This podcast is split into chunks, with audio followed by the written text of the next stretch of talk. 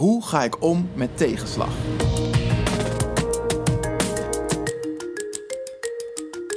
Het leven is mooi, het leven is zelfs prachtig en daarom is het leven iets om te vieren. Maar come on, dat is het lang niet altijd. Het leven zit ook vol ellende, vol tegenslagen. Dat vallen en opstaan, dat is niet voor niets een spreekwoord. De vraag is alleen hoe. Hoe sta je op? In deze aflevering, hoe ga ik om met tegenslag? We gaan op zoek naar het antwoord. Dat gaan we doen met Ruben. Dat gaan we doen met Tim. Dat gaan we doen met een expert, positief psycholoog Matthijs Steneveld.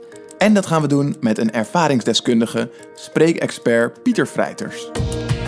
Laat de norm geen uitgangspunt zijn voor je eigen keuzes. En laat je het zicht op jouw idealen niet ontnemen door de waan van de dag. Ontwerp je leven zoals jij dat wilt leven. Wij, Ruben Klerks en Tim Daalderop, gaan in onze podcast samen met experts en ervaringsdeskundigen op zoek naar de antwoorden op de belangrijkste hoe-vragen rond het ontwerpen van je ideale leven. Hoe geef ik richting aan mijn leven? Hoe kan ik beter keuzes maken en prioriteren?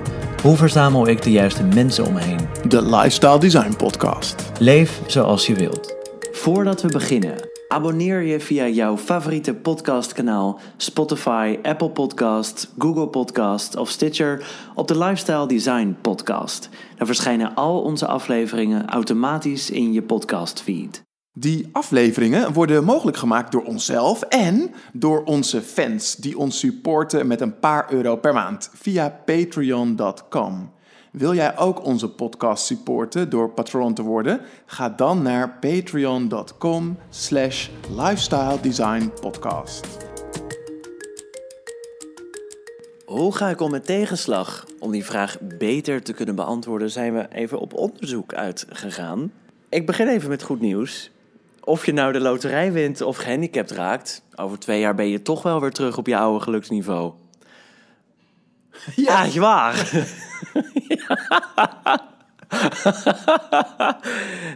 um, ja, het ligt eraan of je de loterij wint uh, of dat je gehandicapt raakt, of dat dan goed nieuws is. Maar mocht je luisteren toevallig net gehandicapt zijn geraakt, dan uh, is er nog hoop. Als je de loterij hebt gewonnen, is dan is dat jammer, want over twee jaar is die excitement helemaal weg. Maar het algemeen goede nieuws is, mensen zijn super flexibel.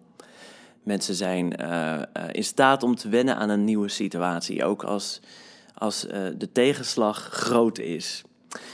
Um, hoe je het beste om kunt gaan met tegenslag, of hoe, in, in hoeverre je daar goed toe in staat bent, dat hangt vooral af van drie factoren: economische capaciteit, sociodemografische capaciteit, en dan moet je denken aan zoiets als onderwijs, armoede en een zorgverzekering, en de capaciteit om met anderen te verbinden. En dan moet je denken aan infrastructuur dat ligt dan meer buiten jezelf.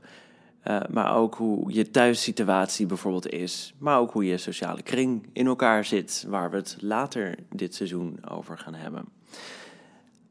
In het algemeen kun je zeggen dat uh, uh, komt wel naar voren in ja, heel veel verschillende dingen die je leest en die, die je hoort van mensen die er verstand van hebben. En uh, daar kan ik zelf ook over meepraten als ik kijk naar wat ik in therapie heb geleerd. Um, we zouden milder voor onszelf moeten zijn om beter om te kunnen gaan met tegenslag. Als het leven tegenzit, is het heel belangrijk dat je jezelf dezelfde vriendelijkheid, zorg en steun geeft als je een goede vriend in dezelfde situatie zou geven. Al dus Christine Neff, een Amerikaanse psycholoog. In um, uh, Psychologie Magazine kwamen we dat artikel tegen. En ook is het belangrijk om te relativeren, zodat je jezelf niet in de put praat. Dus het is belangrijk om je objectiviteit te bewaren. Nou, krijg je het heel goed voor elkaar door een journal, een ouderwets dagboek bij te houden. Of in ieder geval regelmatig even op te schrijven, hoe voel je je? En als je dan ook eens in de zoveel tijd even de tijd neemt om terug te lezen, dan ga je patronen zien. En dan maak je voor jezelf heel concreet wat je dwars zit, wat je niet dwars zit. Wat er goed ging, wat er minder goed ging en wat ertoe leidde dat dat zo was. Ja. Ja, ik vond het wel uh, interessant wat, je, wat jij net zei over die, uh, mildheid voor jezelf, daar ging ik bij mezelf eh, op aan. Ja, want dat, dat ben ik veel te Aan weinig. of af? Ik, ik, ik ging af als een gieter. Oh, shit. Ja, ik ben, ik ben niet mild voor, mezelf. nee. Maar het is eigenlijk gewoon stom gegeven dat je dus eerst maak je een voor je gevoel rottige situatie mee. En dan maak je die situatie alleen nog maar rottiger door van jezelf te vinden dat je het niet goed hebt gedaan. eh, of eh, dat het anders had gemoeten. Dus daar kan je jezelf eh, echt wel mee in de, in de put praten. Dus, eh, dus d- dat is hetgeen wat mij ook zeker helpt om af en toe te zoeken naar wat er dan juist wel goed aan was. Of ehm, eh, zoals ze zo populair zeggen, je successen te vieren. Maar, dat, maar wat ik altijd interessant vind bij successen vieren, is dat dat vaak wordt gedaan als: oké, je hebt alleen een succes te vieren als je een eindresultaat goed hebt behaald. Terwijl ehm, ik leerde ooit dat successen in veel meer dingen zitten dan alleen dat eindresultaat behalen. Dat je ook onderweg de manier waarop je eh, hebt gehandeld als een succes kan zien. Dat je iets nieuws hebt gedaan, of een nieuw inzicht hebt gedaan, of een fout hebt toegegeven. Eh, dus dat, Ja. dat helpt me altijd wel om iets milder te worden. Ja. is misschien zelfs wel relevanter. Zeker ook als ik terugdenk aan de aflevering die we hebben gemaakt over falen. ja. Dat er ook heel veel te vieren valt als je meer focust op hoe je daar dan bent gekomen. In plaats van waar je precies op uit bent gekomen. ja. Dan zit er ook iets goeds in iets slechts. En ook iets slechts in iets goeds. En daar kan je dan ook weer van leren. Maar ja. in het kader van tegenslagen zit er ook veel moois in wat er dan is gebeurd. Als je het zo bekijkt. Ja, precies. Ja, ik hoorde laatst ook een mooie quote. Die ging over dat we eigenlijk niet moeten nastreven om goed in iets te worden, maar beter in iets te worden. Ehm, want als je nastreeft om ergens goed in te zijn, dan ervaar je ook heel vaak tegenslag. Omdat je dan met situaties wordt geconfronteerd waarin je misschien niet goed eh, acteerde. Terwijl als jouw focus is om beter ergens in te worden, dan ga je dus zoeken naar eh, hoe je je kunt ontwikkelen en hoe je kunt leren van dingen die niet goed gaan. Dus dan kan zo'nzelfde situatie die je eerst als niet goed zag, eigenlijk ook weer een leermoment zijn. En dan kan je daarmee groeien. Ja. Ja. Ja, tegenslag en daarmee mee, mee, mee omgaan. Ja, misschien nog wel goed om nog toe te lichten. Dus we, we noemden best wel een paar hele ehm, eh, abstracte e- elementen. hè. Dus je economische capaciteit en je sociografische capaciteit. Ehm, dat zijn eigenlijk de factoren die sowieso meespelen. Dus jij kan nog zo goed hierin getraind zijn, in omgaan met tegenslag. Er spelen ook altijd eh, factoren mee die misschien buiten jouw macht liggen.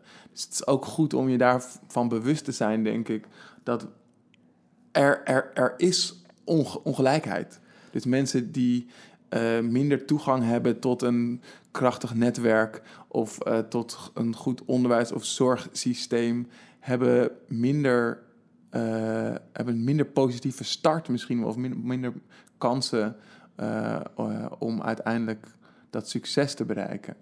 Ja, komen meer tegenslagen eh, tegen op hun levenspad. Ja. Ja. Des te mooier vind ik het ook altijd weer. Volgens mij zijn we er allemaal gevoelig voor. Van die succesverhalen van mensen die zo'n situatie ontgroeien of overwinnen. Ja, precies. Dan is het pas echt knap Ja. wat je hebt eh, voor elkaar gebokst. ja. Ja.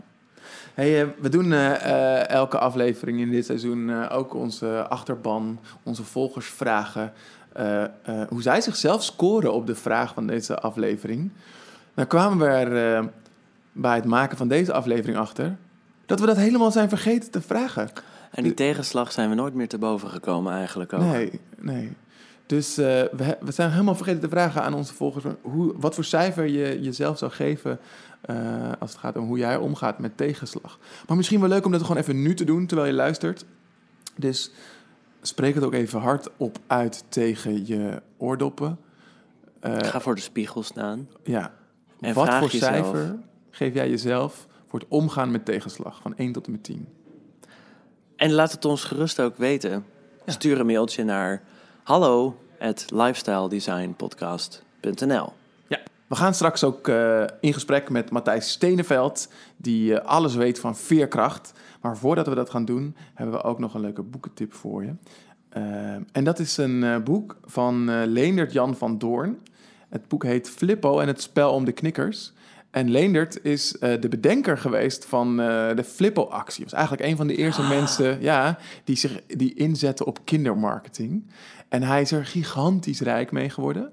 Maar hij is ook daarna echt nou, bijna aan lager wal geraakt, in de, in de bijstand geraakt. is helemaal uh, misgegaan. En daar heeft hij een ontzettend leuk en, ik zeg echt leuk boek over geschreven. Heel, heel geanimeerd schrijft hij daarover.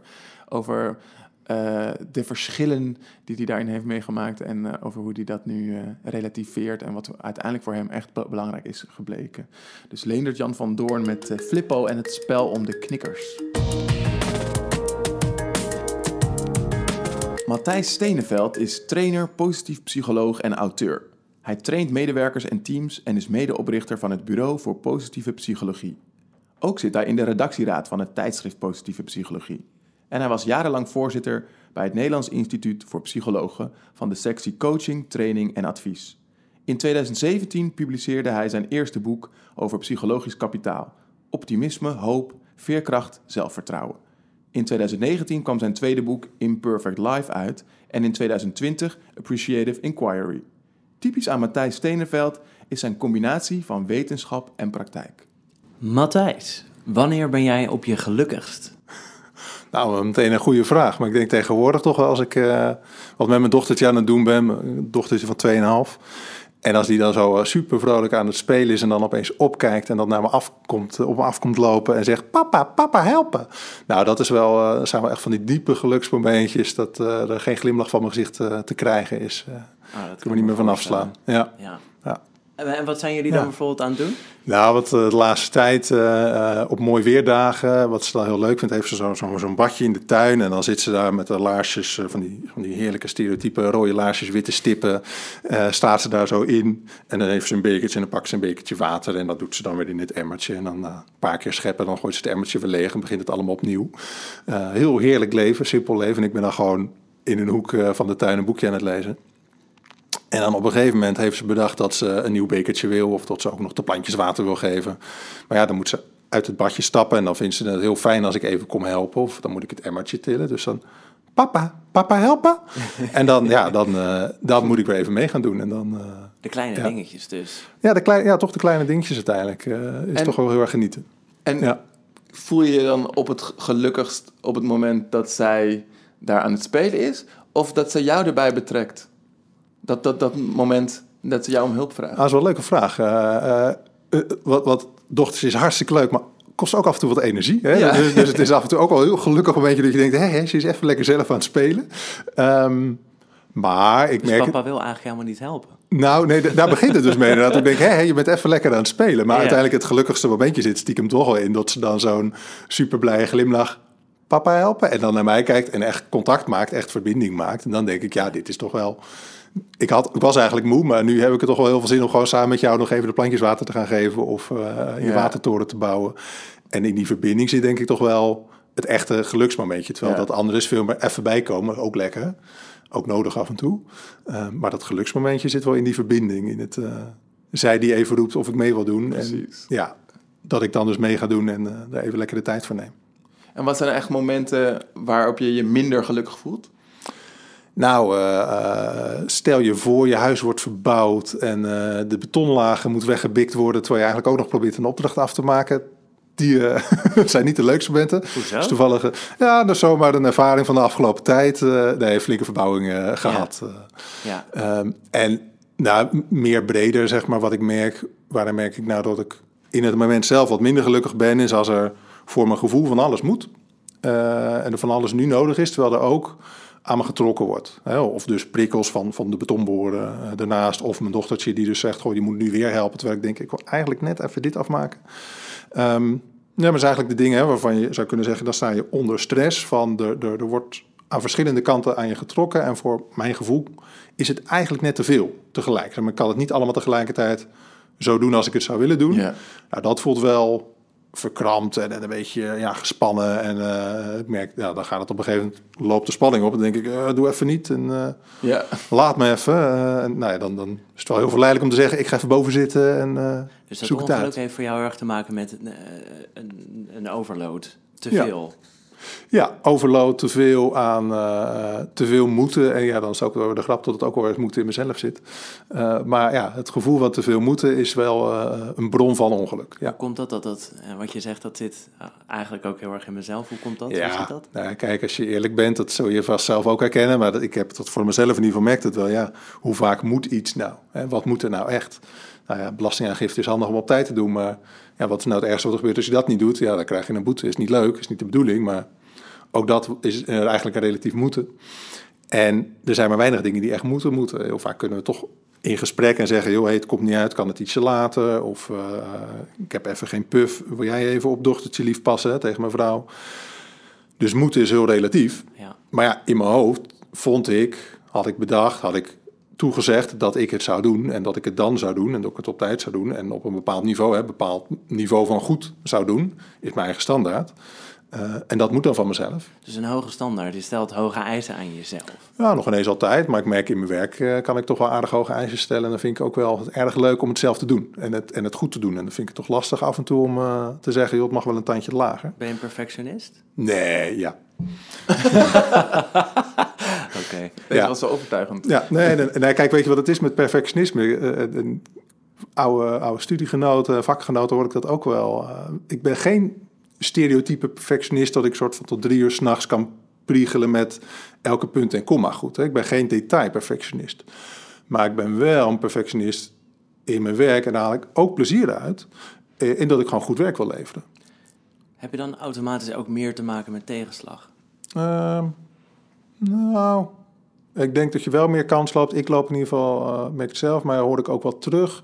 eh, meer kans dat je verwachtingen moet bijstellen. Dat je verwachtingen niet altijd even makkelijk uitkomen. Of dat je dus inderdaad, eh, wat ik net schetste, dat er opeens voor je gevoel veel tegelijk moet. Eh, terwijl er je getrokken wordt. Dat, dat is wat ik zeg, dat, dat zit voor een deel in jezelf, in mijzelf, merk ik. Ehm, en ik denk dat dat voor veel mensen zo is. Als ik, als ik in mijn werk rondkijk, zie ik dat vaak terugkomen. Dat mensen in eerste instantie zichzelf op de hals halen hoe goed ze iets willen doen. Eh, en het perfect willen doen. Nou, zullen veel mensen het woord perfect niet in de mond nemen. Maar ja, nee, ja, ik hoef, het hoeft niet perfect, het moet, maar het moet wel goed. En ja, dat is zo'n zinnetje. Ik, ik herken dat heel erg. Maar ja, dat is ook wel een valkuil. Dat je denkt, ja, wanneer is dan goed genoeg? En zolang je niet ook af en toe kunt nadenken over goed genoeg. En ook af en toe kunt zeggen, nou, nu is dit al goed genoeg. Zelfs al is het niet perfect of lager dan ik misschien zou willen. Eh, en daar zit het spanningsveld, merk ik bij mij, van heb ik, voel ik nog de ruimte om af en toe die standaard wat omlaag te brengen? Of heb ik het gevoel van ja, nee, maar dit, dit is wel het niveau waarop het ook moet gaan komen. En anders eh, ben ik er nog niet, dan moet ik door. Het klinkt alsof jij in ieder geval een hele goede manier hebt gevonden hoe je om kan gaan met die, met die druk die je soms misschien jezelf oplegt of die soms van buitenaf kan, kan komen. Ja, ja, en ik denk ook over het algemeen daar heel behoorlijk mee om kan gaan. Het enige flauwe is, ergens heb je dan, tenminste heb ik dan nog wel zo'n soort van droomwens van ooit gaat dit vanzelf. Dus ik kan er wel mee omgaan, maar het gaat nooit vanzelf. Het is altijd elke keer weer, als ik dat, tenminste niet dat het nou elke dag gebeurt, maar als ik dan opeens een drukke deadline heb, terwijl er tegelijkertijd eh, eh, iets gesloopt wordt in het huis en dat loopt niet. Elke keer staat toch weer even dat punt dat, je, dat ik bewust moet opmerken van, oh ja, nu is die spanning eigenlijk wel hoger dan ik hem eigenlijk zou willen. Oh ja, dit is dat moment dat ik moet gaan kijken, waar leg ik de keuze? Hè? Ga ik nu even voor mezelf kiezen en, en zorg ik ervoor dat andere mensen de andere dingen gaan regelen? hè? Vraag ik aan mijn vrouw of ze op dochtertje wil passen. Neem ik even een dag vrij van bepaalde klus. Eh, Vraag ik of er iets uitgesteld kan worden. Of ga ik iets uitstellen wat ik zelf in mijn hoofd had, wat ik graag deze week wilde doen en doe ik dat even een andere keer? Of breng ik de standaard wat omlaag? Dus op het moment dat ik die spanning door heb, kan ik dan er over het algemeen vrij aardig mee omgaan. Ja. Maar het opmerken van die spanning en dan dus even die knoop doorhakken van hoe ga ik het nu oplossen, dat is elke keer toch wel weer even een actieve stap. Dat is wel Ja. even, moet je wat mee. En het klinkt me ook tegelijkertijd al in de oren alsof je nog zeg maar je tegenslag eigenlijk voor bent. Dus omdat je het al, omdat je die spanning herkent, weet je al, ik ga dan eh, mijn acties en mijn handelen aanpassen.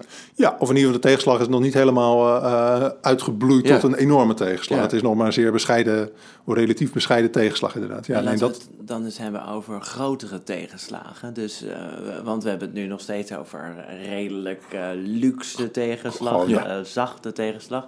Laten we die tegenslag eens eh, uitvergroten. Je hebt echt te maken met een behoorlijke tegenslag. Ja. In een van je boeken schrijf je dat de sleutel om daarmee om te gaan ligt in veerkracht. Kun je, kun je daar eens wat over vertellen? Ja, nou, veerkracht is een heel breed begrip, maar inderdaad, kijk, weet je, tegenslagen worden bij het leven.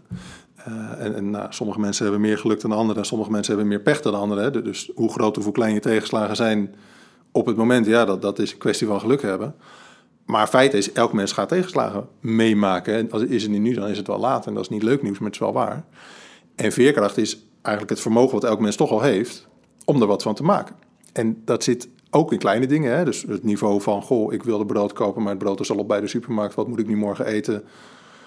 En ik heb ook nog haast. Eh, dat zijn kleine tegenslagjes. En veerkracht is dan gewoon simpelweg daarmee om kunnen gaan en bedenken... nou, weet je wat, dan ontbijt ik wel met iets anders of ik ga nog even naar de bakken.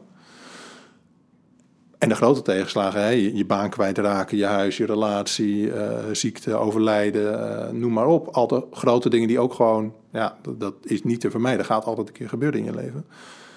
En daarmee omgaan, dat is ook wat ons mens maakt. En dat, dat, dat zou je veerkracht kunnen noemen, dat noem ik veerkracht.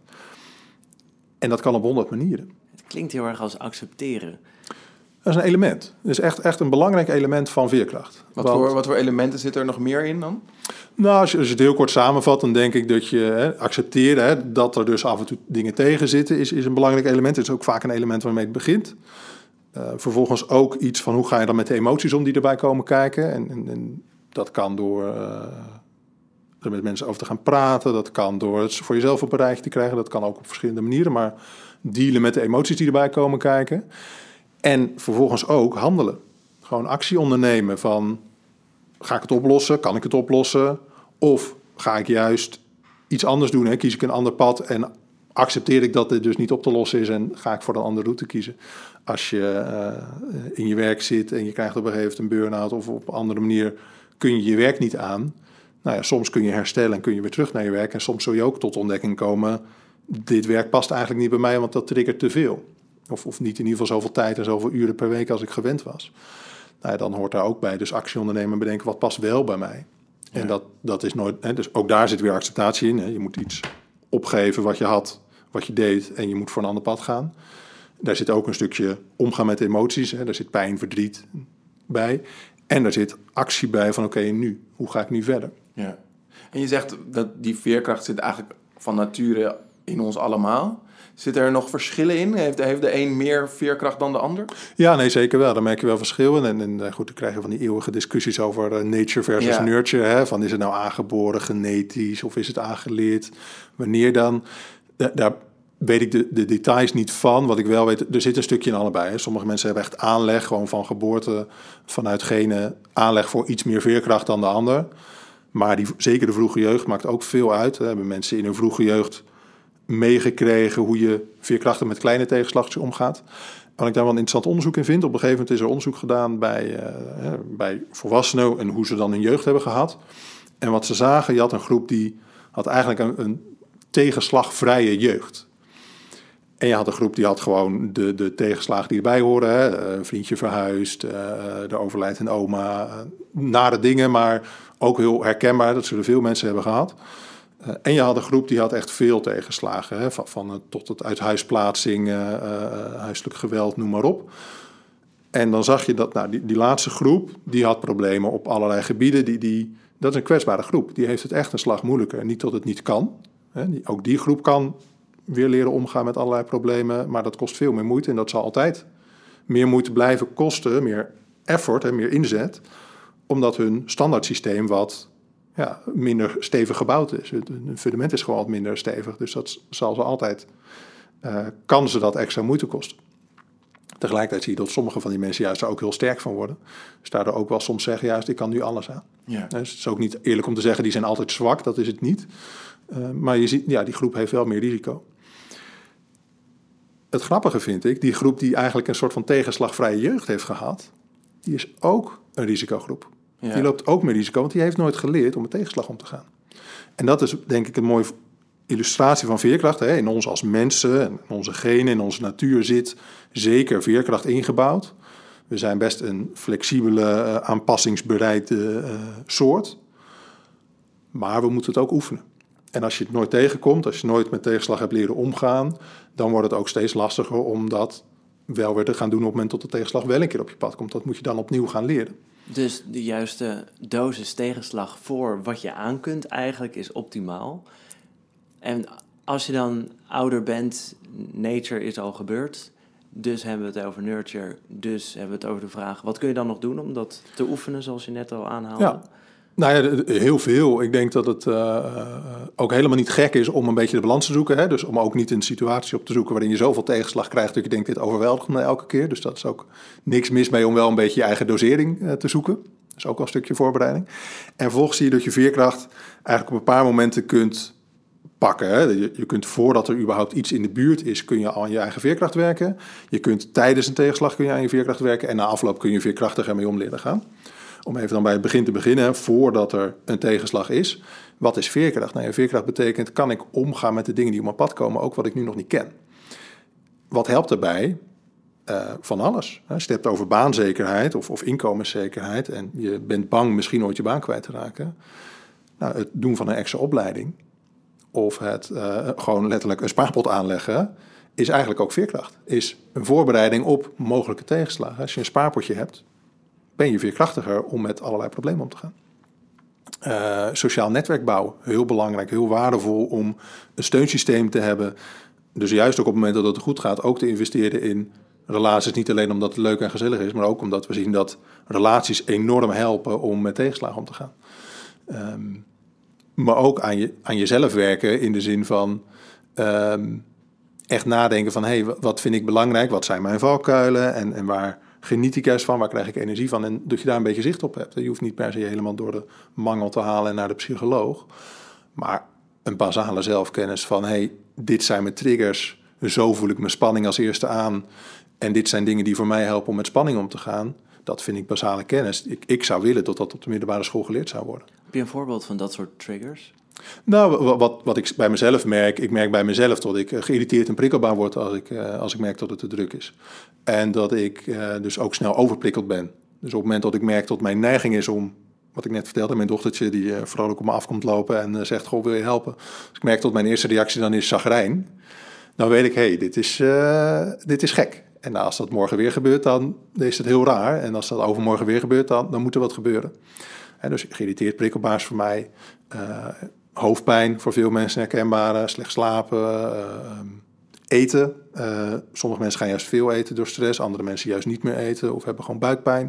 Het zijn allemaal van die stereotype stresssignalen en we kennen ze ergens allemaal wel. Maar om echt eerlijk te zijn naar jezelf en ook te signaleren van hé, hey, ik heb het nu alweer. Dit is al de derde keer in een week. Dat is wel meer dan gemiddeld. Ik denk dat dat de kunst is. Om daarop te gaan letten op die momentjes van hé, hey, hoe staat het met mij? Eigenlijk je interne thermometer uh, of zie het als je dashboard van je auto. Hé, hey, er knipperen nu al een tijdje lampjes. Ik moet misschien toch eens even checken hoe dat gaat. En dan, stap 2 van veerkracht, is ook om daar dan dat serieus te gaan nemen. En dan kom je eigenlijk al een beetje op veerkracht tijdens, uh, tijdens de tegenslag. Hè? Dan als de stress begint, als de spanning begint, of het gedoe begint, of wat dan ook, de pijn. Um, dan betekent dat ook dat je er even de ruimte voor neemt. En dat is, dat is ook alweer, ja, psychologie is wat dat betreft een soort van altijd een balans. Is altijd de, de gulden middenweg is het altijd zoeken. En ik vind wat dat betreft de toerenteller van je auto misschien nog wel het beste uh, signaal of de beste vergelijking.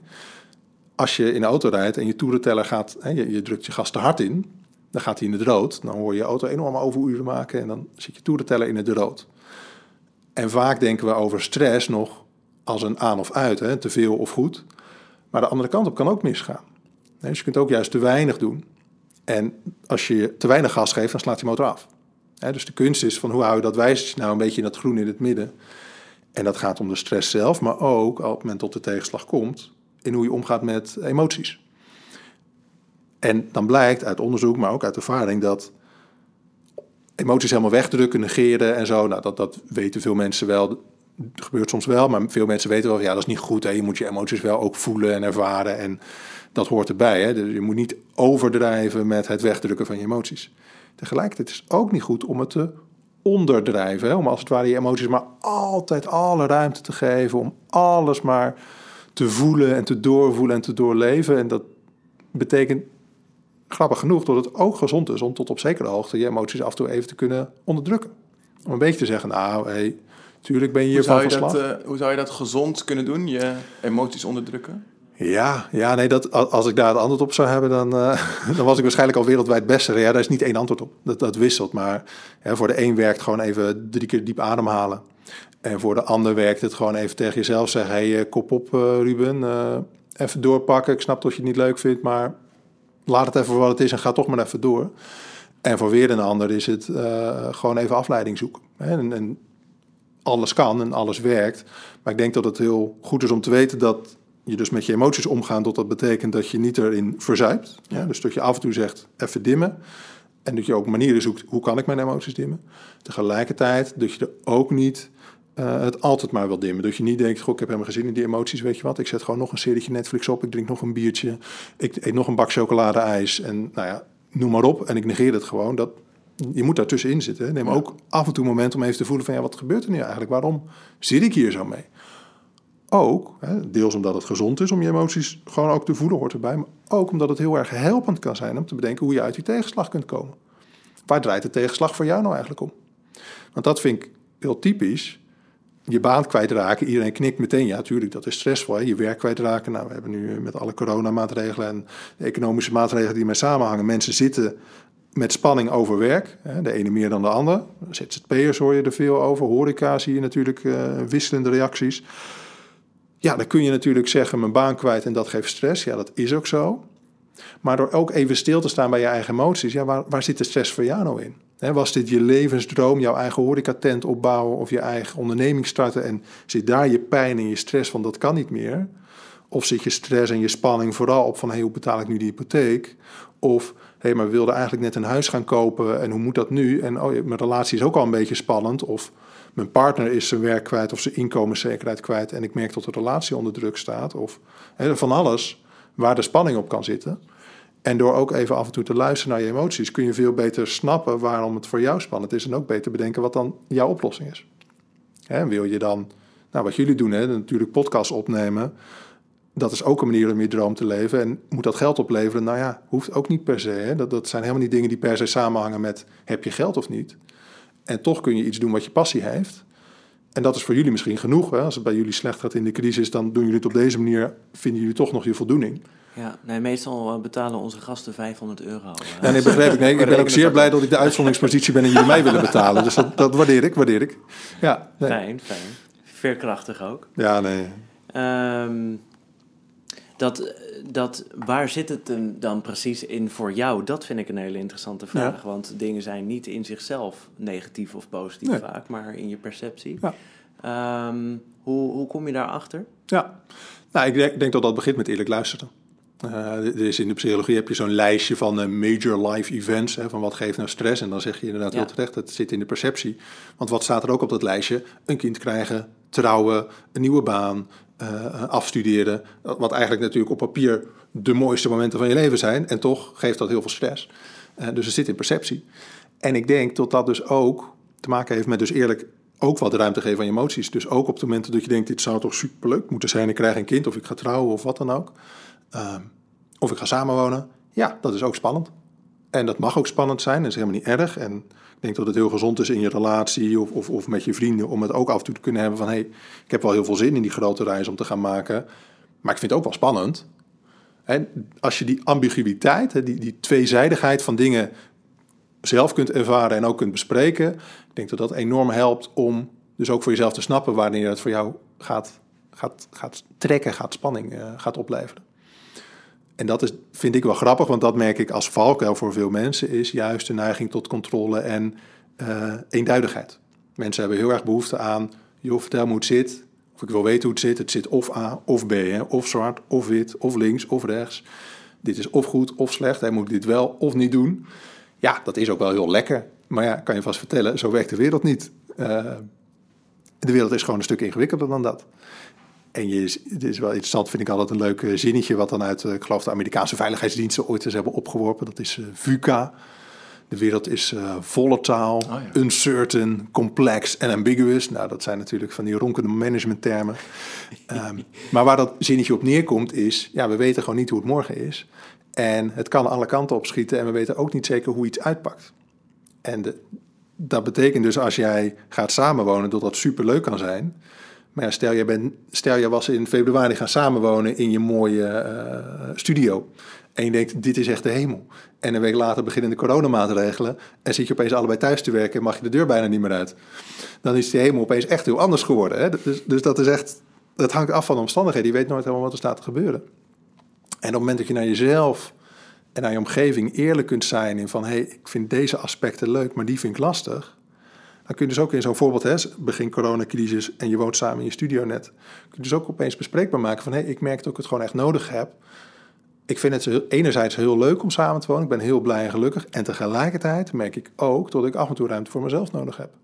En als je dat gewoon eerlijk kunt zeggen, dan kun je dus ook samen bedenken, hoe werkt dat dan? Hoe doen we dat?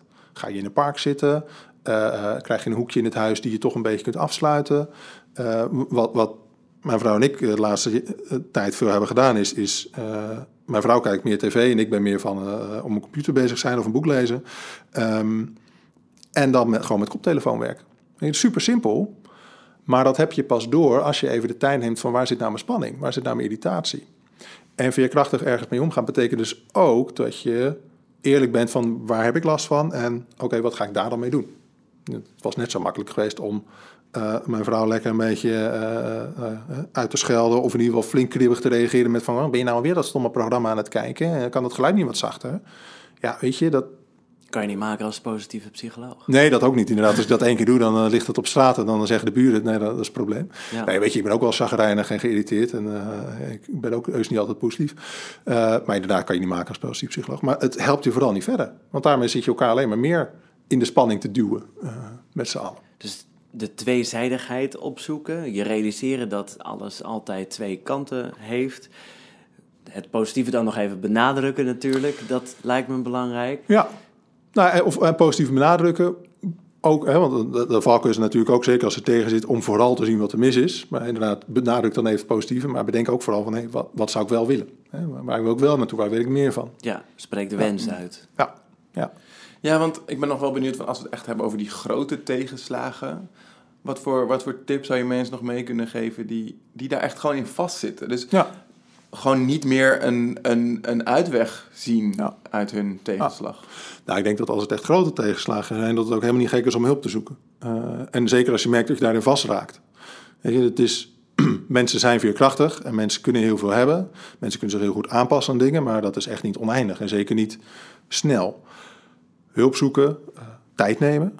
We zijn soms ook gewend tot het allemaal binnen een week weer klaar moet zijn. Maar, maar als je kijkt naar de boekjes over rouw, ja, dat kan zo een half jaar duren, zo niet langer. En dat hoeft niet, het kan wel. Het is echt niet gek dat als er iets heftigs gebeurt, en niet alleen het verlies van een dierbare, maar ook rouw voor je baan kwijt, of voor een deel van je gezondheid kwijt.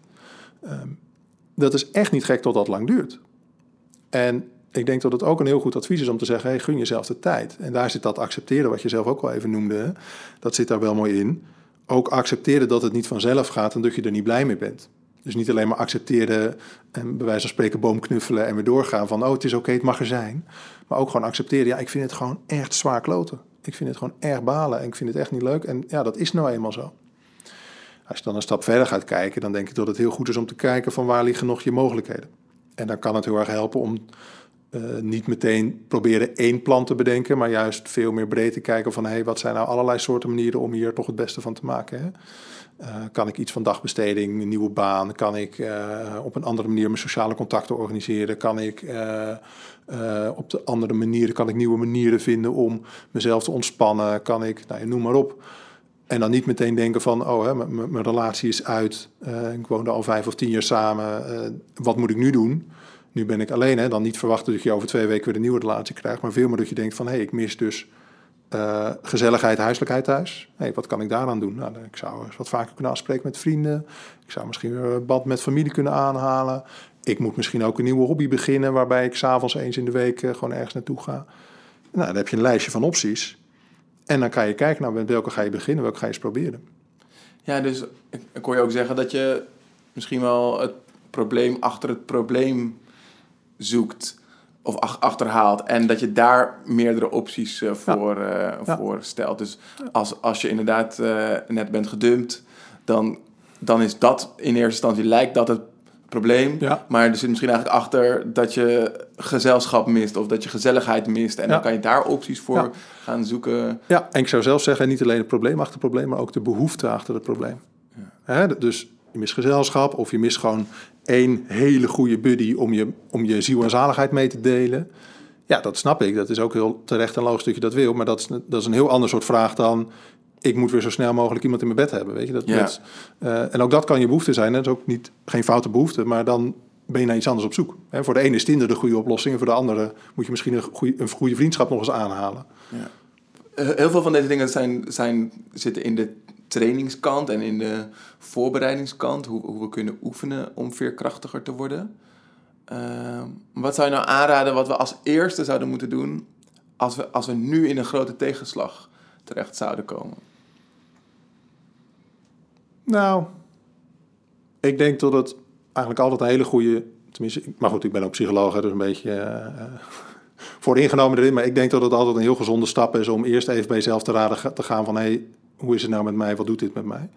Eh, ik denk dat dat gemiddeld genomen een heel logische eerste stap is. Dus je eigen gevoelens Gewoon even, even checken van, hé, hey, eh, wow, wat gebeurt er nu? Wat vind ik hiervan? En dat betekent niet dat je meteen moet gaan zwelgen in zelfonderzoek, maar wel gewoon even de ruimte en de tijd moet nemen van, hé, hey, dit is nogal wat. Eh, vind ik dit ook nogal wat? Of valt het eigenlijk best mee? Of, of, en waarom vind ik dit dan wat? Dus ik denk dat op het moment dat het om tegenslagen gaat die niet urgent zijn, hè, die geen crisis zijn, dat is weer een ander verhaal.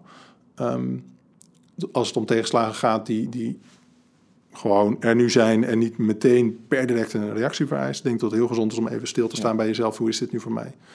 En dat sommige mensen vinden dat fijn om dat alleen te doen, andere mensen doen dat graag samen. Eh, maar doe dat vooral. Hè. Ik, ik, ik hoorde laatst een verhaal van iemand die eh, zei van... joh, ik heb, ik heb een goede vriendin en daar ga ik altijd naartoe als ik het even nodig heb. Ik denk dat het heel mooi is als je zo iemand kent, als je bewust bent van... hé, hey, inderdaad, dat is de persoon, of dat zijn twee of drie mensen naar wie ik toe ga als ik merk... er gebeurt wat en ik zit ermee. Ja. En dat is denk ik heel goed om, om zoiets in je hoofd te hebben van... Hey, als er echt even iets tegen zit, dan is dit wat voor mij werkt. Of het nou je dagboek schrijven is of eh, je moeder of wie dan ook. Eh, ik denk dat het een hele goede eerste stap is. En ik snap dat je al wilde gaan afronden, maar ik zou er nog één ding aan willen toevoegen. Want dat vind ik eigenlijk voor veerkracht ook wel mooi. We hebben het heel vaak over voorbereiden op en over de tegenslag zelf. Maar wat ook belangrijk is, is van hoe daarna. En wat ik dan wel leuk vind om te noemen is, is je hebt iets, eh, tenminste iets, eh, voor veel mensen is wel bekend, je hebt zoiets dat heet posttraumatische stressstoornis. Mensen die een zeer heftig event meemaken, hè, ongeluk, eh, eh, overval, geweld, ehm, die kunnen daar heel sterke psychische klachten van krijgen. En die kunnen heel hardnekkig zijn, kunnen ook weer overgaan, kunnen ook herstellen. Als je merkt dat je dat hebt, zoek zeker hulp, zou ik zeggen, maar goed, ander verhaal. Maar wat heel veel mensen niet weten, is dat er ook zoiets bestaat als posttraumatische groei. En dat is op een gegeven moment in Amerika is dat, dat onderzocht ten tijde van 9-11. Hè. Toen, was er net toevallig een onderzoek geweest naar een groep mensen in een regio. En toen vielen de torens in de Twin Towers stortten in door die vliegtuigaanval, door die terroristische aanval.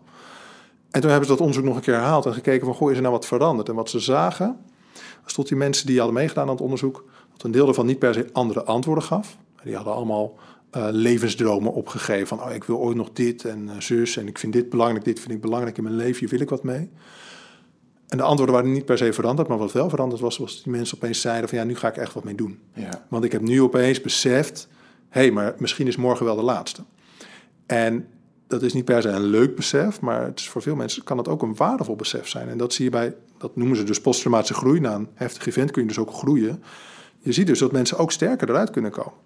En dat dat, dat is weer die tweezijdigheid, hè? dat kan samenhangen met dat het ook heel naar en vervelend is.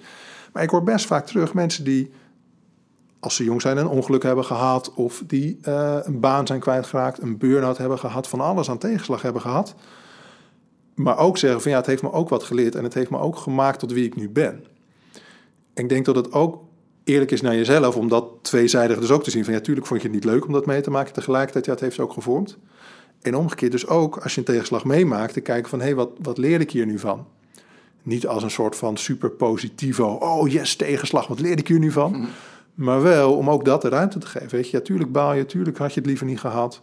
Maar nu het er toch is, wat leer je hiervan? En nu je baan kwijt bent, hey, wat, wat leert dit je eigenlijk over wat jij belangrijk vindt in je werk en in je inkomen? Hoe wil jij je leven inrichten? Je hebt die tiny house movement. Er zijn een aantal mensen doen dat juist ook vanuit financieel oogpunt. Van hey, ik merk, ik vind het helemaal niet fijn om financieel ergens aan vast te zitten. Wat ik belangrijk vind, ik wil leuk werk doen, maar ik wil er ook vrijheid in ervaren. Ik vind autonomie super belangrijk. Kan een hele mooie les zijn die je bijvoorbeeld kunt krijgen doordat je je baan verloren bent. Ja. Dus dat vind ik wel een hele mooie slotboodschap. Mensen zijn flexibel. Hè? Je hebt de survival of the fittest. En, en wordt wel gezegd, mensen zijn het beste in aanpassen. Wij kunnen dus ook aan heel veel aanpassen. Het nadeel daarvan is dus dat we ook heel erg gewend kunnen raken aan al het goede wat we hebben. Maar het goede is dus dat we ook heel erg gewend kunnen raken aan de dingen die wat lastiger zijn. En dat we dan ook daarin weer de lichtpuntjes kunnen vinden. En ook daarin weer kunnen kijken van hé, hey, en hier krijg ik energie van, hier haal ik plezier uit. En dit is voor mij belangrijk en hier wil ik wat mee. Soms zit die fitheid dus juist in de aanpassing zelf. Ja. Ja, ja. ja Dankjewel. Zeker. Ja, nou, blij dat je deze toevoeging nog deed. Eh, super waardevol. Ja. Dankjewel, Matthijs. Alsjeblieft, dank jullie wel voor eh, een mooi gesprek. Leuk om hier te zijn. Elke aflevering hebben we een verhaal voor je. Een verhaal van iemand die iets bijzonders heeft meegemaakt en dat met ons, dus ook met jou, wil delen. Pieter Vrijters had een geweldig idee. De investeerders stonden in de rij. Zijn bedrijf ging sky high. Pieter haalde alle media. Totdat het misging. Enkele investeerders bleken niet te vertrouwen. Verschillende rechtszaken volgden. Pieter belandde in een gigantische burn-out waarin het voelde alsof hij doodging. Dat ging hij gelukkig niet echt. Wat gebeurde er en hoe ging Pieter met deze stress om? Het kwam erop neer. Ik had een, uh, ik had een octrooi en, uh, en ik kreeg wereldwijd een octrooi. En dat betekende in die periode heel veel, heel veel media, heel veel tv, radio. Uh, tot de hele wereld werd erover geschreven. En heel veel mensen dachten dat ik een van de rijkste Nederlanders zou geworden. En ik moet je heel eerlijk vertellen, ik dacht het zelf ook even. En uh, dus dat betekent heel veel investeerders. Het trok heel veel mensen aan die allemaal mee wilden doen in die learning curve. En ja, het gevolg daarvan was dat we in de Muntvertijd een club aandeelhouders hadden. En, uh, en commissarissen en adviseurs om ons heen. En, maar het bleek dat een aantal van die mensen bezig waren om vandaag al een koek op te eten. En die waren met z'n allen aan het bakken. En dat is niet handig. Dus ik was geloof ik anderhalf, twee jaar verder en ik had 18 civiele procedures. Nou, als je dus met een, met een bedrijf aan het opbouwen bent, wat heel veel kansen heeft, heel veel mogelijkheden heeft, en je bent alleen nog maar aan het procederen en alleen nog maar met advocaten bezig. Ja, en ik, was, ik, was, ik, ik ben geen supermanager, laat ik daar even duidelijk in zijn. Ik ben weer een ondernemer, maar ik moest meer managen, maar dat, zelfs dat ging niet meer. Dus op een gegeven moment, man joh, ik dacht, ik dacht van als ik nu een mitrailleur heb, dan zou ik dat hele spul zo neer willen schieten, weet je. En toen ik dat dacht, toen, uh, nou, dan moest ik ineens mijn auto langs de kant zetten, want het overkwam in de auto. En ik had het idee van, uh, ik ga dood. En mijn eerste gedachte was, ik heb niet eens een testament gemaakt, weet je dat? Ik heb dat overleefd, zoals je ziet. En um, ik, ben, ik, ben, ik heb vijf minuten verstild in de auto gezeten en op mijn dood wachtend. En ik heb dat overleefd, ik ben thuisgekomen. Uh, ik durfde niet meer alleen thuis te zijn. Dus ik had een hond en mijn, mijn vrouw was er, was er niet. En, dus ik pakte de hond en ik ging naar buiten. En ik woon op de rand van het dorp en ik ben 200 meter uh, echt buiten dat ik mijn huis niet meer zag. En toen had ik iets van, ja, mezelf voor dat me hier wat overkomt, weet je. En die durfde een meter verder meer. Nou, daar begon het allemaal mee. En voor het een paar maanden verder was, zat ik burn-out thuis. Ja, het heette toen nog overspannen. Ik kon niet meer werken, kon me niet meer concentreren. En die procedures die gingen allemaal erdoor enzovoort. Dus nou ja, uiteindelijk, uiteindelijk was dat, ging dat fout. En ik had nog een productiebedrijf en dat was nog steeds een VOF. Die had ik op papier verkocht. Maar moest er omgezet worden in een BV? Nou, dat gebeurde ook niet meer. En uiteindelijk ging ik ook nog persoonlijk failliet. En dat was niet makkelijk dus. Uh, mijn huis, mijn spullen. Uh, ik heb meegemaakt dat alles wat ik had, alles wat ik bezat... daar kwam een nummertje op te staan en dat werd bij opbod verkocht. En heb ik later nog wel het een en ander terug kunnen kopen. Maar ik wil maar even zeggen, dat is geen uh, ideale situatie. Maar dat gewoon heel kort. En dat thuis zitten voor mij, dus ik kwam thuis te zitten en ik, de fout die ik maakte was dat ik iedereen de schuld gaf van mijn probleem. Want iedereen had het gedaan, behalve ik. En, en dat, dat is gewoon niet handig. En ik voelde me meer slachtoffer van datgene wat me was overkomen. Want ik had allemaal geld geïnvesteerd en, en weet ik wat allemaal nog meer. En die, die burn-out periode heeft voor mij, ik denk wel drie, vier jaar geduurd. En drie, vier jaar duimen draaien, geen geld meer, geen inkomen meer. Hè. Ik kreeg toen wel een uitkering toen. En uh, ja, nou ja, ik was, mijn, uh, ik, ik, was redelijk onzeker. Maar dus van buiten was ik altijd een burk, maar van binnen voelde ik me brandhout. Nou, dat deed er helemaal geen goed aan. Want, want, want, want uh, ja, ik moest het dan toch hebben van de buitenkant. Ik was groot, ik was sterk, ik had altijd dikke auto's. Nou, ik had een heel auto, autopark van, van, van snelle auto's. En dat was ik ook kwijt. En, dus ik had helemaal niks meer, man. Dus dat, dat was, ja... En toen, uh, toen las ik op een gegeven moment in de krant weer een keer dat. Uh, vroeger stonden verhalen van mij in de krant van. Krantenjongen tot miljonair. En ineens stonden verhalen in de krant van miljonair. Weer aan de bedelstaf, weet je. Nou man, plus foto erbij. Dus je durfde niet meer op straat te komen. Dat was een verschrikkelijke periode. Toen is er een keer een moment gekomen dat ik iets had van.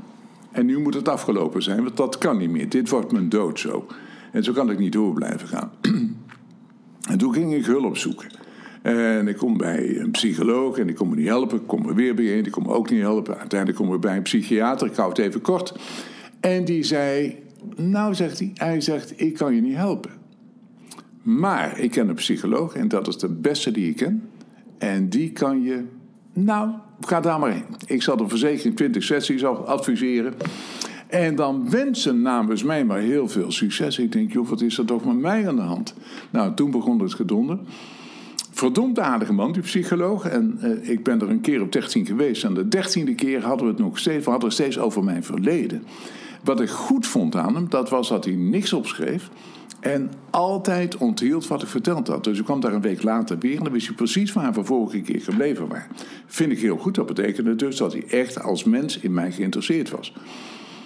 Alleen de dertiende keer hadden we het nog steeds over mijn jeugd. En nu over de geboorte, wat ik me nog kon herinneren van de geboorte van mijn jongste zus. Ik heb een zus, die is anderhalf jaar jonger. En ik heb één zus, is exact op de dag af drie jaar jonger dan ik. En waar rempelde, ik kon me daar iets van herinneren. Iets van herinneren. En, uh, maar ik had toen wel iets, dit gaat hem ook niet worden. Dit gaat ook niet werken. Ik ben er weggegaan. Het is ook de laatste keer dat ik bij een psycholoog ben geweest. En Um, ik heb onderweg ergens een tijdschrift uh, gekocht en over psychologie. En de voorzitter van de Nederlandse Vereniging van Psychologen liet optekenen dat de psychologie, ondanks zoveel jaar psychologie, nog steeds in de kinderschoenen stond. En toen had ik iets. Als dat nu na zoveel jaar nog in de kinderschoenen staat, dan kloppen de kinderschoenen gewoon niet. En toen was het mij toen, dan heb ik me voorgenomen, ik ga dat wiel zelf wel uitvinden. Ik, ga ik, ik heb uitvindingen gedaan, dus ik ben redelijk creatief in mijn, eh, in, mijn geest. Ik denk, dit wiel ga ik opnieuw uitvinden. Dat kan natuurlijk helemaal nooit, maar ik was wel bezig om, om te ontdekken wat dan wel werkte. En alles wat met psychologie te maken had, met alle respect overigens, maar dat liet ik links van me liggen. En ik wilde me alleen maar concentreren op, op, op, op andere dingen, op nieuwe dingen. En bij toeval ontdekte ik wat. En ik denk dat het anderhalf jaar later was of zo. En er was in één avond was mijn probleem opgelost. Mijn, mijn, mijn hoofdprobleem opgelost. Althans, datgene wat was overgebleven van mijn burn-out. En wat was overgebleven, dat was als ik een afspraak met iemand had, zakelijk, en ik stond voor de deur, daar wilde ik naar binnen. Maar ik durfde niet. Dus ik had een enorme drempelvrees ontwikkeld. En dan, dan ging ik mezelf toespreken, zoals een raterband dat ook deed. Hè? Weet je, wel, kom als je kunt, weet je wel dat. En dan stond ik weer voor de deur en dan durfde ik toch niet naar binnen. En dat was in één avond opgelost. En ik denk, als dat is opgelost, nou ga ik alles oplossen. Dus, en toen ging ik onderzoeken of dat er bij andere mensen hetzelfde werkte als bij mij. Dus ik ging iedereen vragen, ben je bang voor, ben je onzeker? Ben je... En iedereen heeft al wat. Dus toen kon ik met die mensen allemaal aan de slag. En het werkte allemaal. Geld had ik niet meer. Ik had niks meer. Ik had nog wel een vrije kamer in mijn huis. En die heb ik aangekleed met wat, uh, met wat tweedehands spulletjes. Ik heb een advertentie in een krant gezet. En een, een, een, een pagina grote advertentie in de krant, die kon ik niet betalen overigens. Maar ik denk, nou ja, met een beetje lef dan lukt het wel. En een pagina grote advertentie gezet van heb je een angst of een onzekerheid of wat dan ook. Ik ga het oplossen. En dat doe ik gewoon in één keer. Mocht er een tweede keer nodig zijn, die krijg je bij mij gratis. Maar waarschijnlijk is het niet nodig. Nou, zo ben ik begonnen. En dan kreeg ik de eerste mensen. En gelukkig, de eerste tien mensen kon ik helpen. En toen kon ik weer een nieuw kostuum kopen. En dan kon de, kamertje weer een beetje leuker aankleden. Ik kon mijn advertentie gaan betalen, weet je, zo dat. En zo is het allemaal begonnen. Dus dat is mijn verhaal. Dus uiteindelijk zeg ik nu altijd, ieder nadeel heeft zijn voordeel. En een probleem kan pas een probleem zijn wanneer er ook een oplossing is. Dus zo. Een van, de, een van de ergste dingen die je zelf kunt aandoen, dat is dat je alles en iedereen de schuld geeft van jouw probleem. En ik kan wel zeggen, ja, die mensen waren niet eerlijk, maar, maar daar gaat het helemaal, helemaal niet zozeer om. Ik mag er beter met bij mezelf houden en mezelf afvragen wat ik anders had kunnen doen.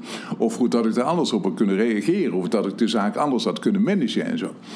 Dus een ander de schuld geven of je slachtoffer voelen. En zo'n periode heb ik ook gehad van alles wat mij was overkomen. Weet je, hard gewerkt altijd, wel centen bij, bij, elkaar. Want ik had best een beetje, beetje, beetje, nou vermogen vind ik een beetje overdreven. Maar ik had best uh, aardig van spek op de botten, laat ik het zo maar even stellen. En dan alles investeren in je bedrijf en dat weer kwijtraken, weet je. En, en, en, en, en, en, en dan uiteindelijk ook failliet gaan. Dus ja, ik, ik heb een, best een hele periode slachtoffer gevoeld. En, en dat, was, dat is ook geen beste. Dus ik kom regelmatig mensen tegen die zich slachtoffer voelen van het probleem. Nou, alsjeblieft, kap ermee, weet je, want dat maakt de zaak alleen maar erger. En, uh, ja, en mensen zijn te veel, en ik was er ook te veel mee bezig. Ik was te veel bezig met aandacht te geven aan mijn probleem, mijn probleem te willen controleren. En wat er gebeurde altijd, dat was wat ik hoop had. Ik hoopte altijd dat morgen beter was dan gisteren. Ik hoopte. Maar als je gaat hopen, hoop doet leven. Nee, hoop doet geen, doet niet leven. Hoop maakt je stuk. Dus, ehm, ja. dus iedereen die hoopt dat het morgen beter gaat, dan zegt nee, het gaat niet werken. Maar verwacht het maar dat het morgen beter gaat. En dan gaat het wel werken. Weet je dat? Dus dat zijn wel lessen voor mij. Anderen de schuld geven, slachtoffer spelen, je leven laten ontstaan, bestaan uit hoop. Misschien gaat het morgen wel een keer beter. En dat, dat, dan, dan gaat het nooit beter. Hoe ga ik om met tegenslag? Hmm. Huh? Ja? Oké, oké. Laten we daar even heel anders naar kijken. Is het niet juist lekker om je af en toe te wentelen in je eigen ongeluk en misère? Mm. Mm. Nou. We doen het wel vaak. Ja? Als, als, als mens, toch? Dat, we, dat je Ja. eventjes, Lekker kankeren. ja, Ja. Zaneke. Eventjes eh, alle, alle schuld en mogelijkheden buiten jezelf leggen. Ja. Ja. En misschien, als je het zo stelt, is het misschien ook wel goed voor je soms. Als je ego even te veel pijn doet en er geen extra klappen meer bij kan krijgen. Als je toch al KO bent, dan waarom zou je jezelf dan nog een natrap geven? Dan kan je beter even iemand anders schop geven uit frustratie, als diegene er geen last van heeft. Gewoon even, Ja, dus dat je eigenlijk, als je daar dan dus op de grond KO ligt, ja, dat je dan, dan mag je ook iemand anders even schoppen. ja, Alleen dan. ah, iemand die buiten de ring staat. Ja, ja, ja, precies. Ja, Die de klap niet echt voelt. Dat is wel de voorwaarde dan. ja. Anders dan... Maar denk je, de- denk je niet dat het ergens een functie kan hebben? Dat we af en toe even lekker kunnen zeuren en eh, juist even niet zo positief bezig zijn? Nou ja, zelfbescherming dus. Ja. Als je KO bent en even niks meer kan hebben. Even ontla moeten Precies. opladen door te ontladen. Ja. Ja, en ik weet ook wel, wij, wij zetten veel in creativiteitsprocessen in, dat het soms ook goed kan werken om juist even helemaal vanaf de andere kant ernaar te kijken. Dus eh, als je het nou echt juist helemaal wilt verpesten of helemaal in, aan, die, aan die negatieve kant aandacht gaat besteden, zodat je het vervolgens om kan keren. Ja, Of zelfs nog kijken van, oké, wat doe ik eigenlijk om dit negatieve gedrag in stand te houden? Eh, en als je dat weet, dan Ja. kan je daar ook mee stoppen. In plaats van steeds te zoeken naar nieuwe manieren van hoe je het anders kan doen. Ja, dat is dat precies, inderdaad. Dat is ook wel een bekend onderdeel van een creatief proces, toch? Dat je Ja. de vraag omdraait. eh, in plaats van hoe kan ik zoveel mogelijk succes, succes bereiken, dat je je afvraagt hoe kan ik mijn bedrijf morgen nog helemaal de grond in, Ja. in werken. Ja, Ja, en die veerkracht. Want we gingen de discussie met Matthijs samen eh, niet aan. Dat, eh, hij noemde het eventjes eh, dat je op die nature-nurture discussie vaak dan uitkomt. Is veerkracht iets wat is aangeboren of kun je het aanleren? Wat, wat is jouw idee daarover? Ja een cliché en flauw, maar eh, a little bit of both. Ja. Ehm, ja, maar ehm, wel goed om in te zien dat als het je altijd mee heeft gezeten, als je nurture dus lekker in elkaar zit, dat je eigenlijk nooit heel grote tegenslagen hebt gehad. Ja, dat, dat, dat je dat veerkracht, eh, dat je die veerkracht nog moet ontwikkelen in veel gevallen. Ja. Ik denk dat je die nurture ook wel nodig hebt. Kijk maar naar hoe je reageerde toen je eerste verkering uitging. Of, of, of dat je, toen je voor het eerst verdriet had er over een bepaald onderwerp. Dat je nog helemaal niet kunt relativeren en nog helemaal niet weet dat het daarna ook weer goed komt. Ja. Ehm, Ja, daarmee zeg je ook dat als je echt succes wil hebben, dat je eerst gefaald moet hebben. Ja, of dat niet eens per se, maar dat als er een einde komt aan je succes, dat het dan wel goed uitkomt als je al eerder een keer hebt ervaren hoe het is om even te falen. Ja.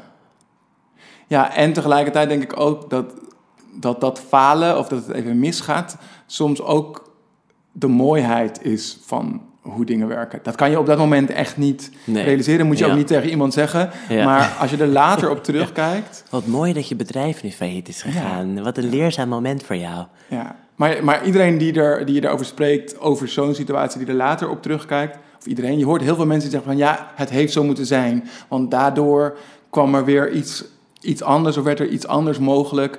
Dus als je het meer op die manier bekijkt, dat je vanaf een grotere afstand of naar het grotere geheel kijkt, eh, dan is, heeft het ook iets moois dat je door dat het soms misgaat, weer leert en weer nieuwe dingen kan doen. Ja, maar even over dat het heeft zo moeten zijn.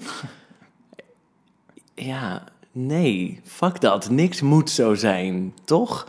Ehm, ik denk ook dat, ja, er zit iets gezonds in, want eh, je probeert gewoon alles wat er op je pad komt, ook kutte dingen probeer je op een positieve manier te bekijken. Maar als iets zo moet zijn, dan neem je daar ook niet echt verantwoordelijkheid voor. Je gelooft niet in je eigen invloed daarin. Het is je overkomen. Het heeft zo moeten zijn. Je kunt er niks aan doen. Ik denk dat het pas echt gezond wordt als je gewoon Ja. zegt... Ja, je maar- kunt hier ook iets positiefs mee. Ja, maar ik denk dat het twee, twee verschillende dingen zijn. Ik bedoel, Ja. een, een situatie kan je overkomen. Ik bedoel, je hebt niet overal invloed op.